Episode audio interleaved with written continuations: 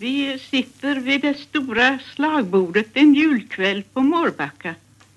Pappa vid den ena kortändan och mamma vid den andra. Farbror Rackenfeldt är där. Han har hedersplatsen till höger om pappa. Och faster Lovisa och Daniel och Johan och Anna och Gerda och jag. Gerda och jag sitter som alltid på ömse sidor om mamma. Därför att vi är de yngsta. Jag kan se det alltsammans. Vi har redan ätit både lutfisk, risgrynsgröt och smörbakelser. Tallrikar, skedar, knivar och gafflar är bortskaffade. Men duken ligger kvar. De två hemmagjorda grenljusen brinner i sina stakar mitt på bordet. Och runt om dem står ännu saltkaren, sockerskålen, bordstället och en stor silverbägare fylld till bredden med julöl. Eftersom måltiden sålunda är slutad så borde vi ju resa oss upp. Men det gör vi inte. Vi sitter kvar i väntan på julklappsutdelningen. Det finns inte ett annat ställe i trakten där man delar ut julklapparna vid kvällsbordet efter att ha ätit julgröten. Men det är ett gammalt bruk på Mårbacka och vi tycker om att ha det så. Ingenting går upp emot att gå och vänta timme efter timme en hel lång julafton och veta att det bästa återstår. Tiden går långsamt, mycket långsamt. Men vi är övertygade om att andra barn som har fått sina julklappar klockan sju eller klockan åtta inte alls kände det så njutningsrikt som vi nu då det väntade ögonblicket äntligen är kommet. Ögonen lyser, kinderna står i brand, händerna darrar då dörren slås upp för de två jungfrurna som är utklädda till julbockar och släpar ett par stora korgar fyllda med julklappspaket fram till mammas plats. Sedan plockar mamma upp paket efter paket utan att göra sig alltför stor brådska. Hon läser upp namnet på mottagaren, stavar sig fram genom otydligt skrivna julkappsring och langar ut julgåvorna. Vi är nästan tysta de första ögonblicken medan vi sliter upp lack och papper. Men snart ger den ena efter den andra till ett glatt utrop och sen pratar vi och skrattar och forskar efter handstilar och jämför våra presenter och låter glädjen stå högt i tak. Den julafton som jag nu tänker på hade jag nyss fyllt tio år. Och jag sitter vid julbordet med den allra spändaste förväntan. Jag vet så väl, så väl vad jag önskar mig. Det är inte vackra klänningstyger eller spetsar eller broscher eller skridskor eller konfektpåsar. Det är något helt annat. Måtte bara någon ha fått den idén att presenta mig därmed. Den första julklappen som jag vecklar fram ur omslaget är ett syskrin. Och jag förstår genast att det är från mamma.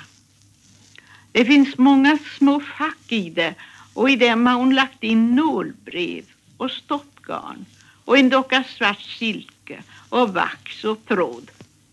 Mamma vill nog påminna mig om att jag bör försöka att bli lite duktigare i min sömnad och inte bara tänka på att läsa. Av Anna får jag sen en utmärkt vacker liten broderad nåldyna som passar till ett fack i syskrinet. Faster Lovisa skänker mig en silverfingerborg och Gerda har sytt mig en liten märkduk så att jag efter ska kunna själv märka mina strumpor och näsdukar. Min guvernant Aline Laurell, och hennes syster Emma är hemresta till Karlstad. Men de har tänkt på mig och oss alla med julklappar. Av Alin får jag en liten brodersax som ligger i ett fodral som Alin själv har knopat ihop av en hummerklo och ett stycke siden. Emma ger mig en liten igelkott av rött ylle som är fullsatt med knappnålar istället för piggar. Det är bra nätta saker alltsammans som jag har fått. Men jag börjar på att bli lite orolig. Det är så förfärligt mycket sysaker. Tänk om jag alls inte skulle få det som jag vill ha. Så jag ska tala om att det råder den ordningen på Mårbacka att när man lägger sig på julkvällen så får man ställa ett bord bredvid sängen och sätta dit ett ljus och sen har man rättighet att ligga och läsa så länge som man någonsin vill. Och detta är det förnämsta av alla julnöjen. Ingenting går upp emot att ligga där med en ny rolig julklappsbok. En bok som man aldrig förr har sett och som ingen annan i huset känner till och vet att man får läsa sida upp och sida ner så länge man kan hålla sig vaken. Men vad ska den ta sig till om julnatten som ingen julklappsbok har fått? Det är det som jag sitter och tänker på medan jag packar upp det ena paketet efter det andra med sybehör. Jag blir allt het om öronen. Det är bestämt en riktig sammansvärjning. Tänk om jag ingen julklappsbok skulle få. Daniel ger mig ett gentilt virkskafta ben. Av Johan får jag ett litet nätt nyssblad för små tråhärvor. Och till sist kommer pappa fram med en stor present, en broderbåge som han har beställt hos den utmärkta snickaren i Askersby och den är alldeles sån, säger han, som den hans systrar sydde på när de var barn. Du ska väl bli en riktig storsömmerska du som har fått så många vackra sysaker, säger mamma. De andra storskrattar. Det syns väl på mig att jag inte är så värst belåten med mina julklappar. Och de tycker säkert att de har spelat mig ett riktigt bra spratt. Jag börjar lida mot slutet av utdelningen och jag har redan fått alla de presenter som jag kan hoppas på. Jag har ingenting mer att vänta. Faster Lovisa, hon har fått en roman och två kalendrar, Svea och Nonan. Och dem kommer jag ju att få gott av en gång, men först ska faster själv läsa dem. Ja, det är verkligen inte en lätt sak att se glad ut och hålla gomin. Då mamma lyfter upp det sista paketet ur julklappskorgen så ser jag på fasonen att det är en bok. Men naturligtvis är den inte till mig. Det är nog överenskommet att jag ingen bok ska få. Men paketet är verkligen inte adresserat till mig och när jag har det i mina händer så känner jag genast att det är en bok. Jag blir röd av glädje. Och jag riktigt skriker i min iver att få låna en sax och klippa av snörena. Jag sliter upp paket, pappret med våldsam fart. Och jag ser framför mig den allra vackraste lilla bok. En sagobok. Det kan jag förstå av bilderna på omslaget. Jag känner att alla vid bordet tittar på mig. De vet naturligtvis att detta är min bästa julklapp den enda som jag kan bli riktigt glad åt. Vad är det för en bok du har fått, säger Daniel och böjer sig fram över mig. Då slår jag upp titelbladet och blir sittande och stirrar. Jag förstår inte ett ord. Låt mig se, säger han och så läser han. Nouveau conte de fées pour les petits enfants för Madame la Comtesse de Nya fesagor för småbarn av fru grevinnan de Segur översätter Daniel vänligt. Han lägger ihop boken och ger den tillbaka till mig. Det är en sagobok på franska, säger han. Nu får du nog att roa dig med. Jag har läst franska en termin för Aline Laurel men då jag nu tar boken och bläddrar i den förstår jag inte ett ord. Detta att få en bok på franska, det är nästan värre än att ingen får.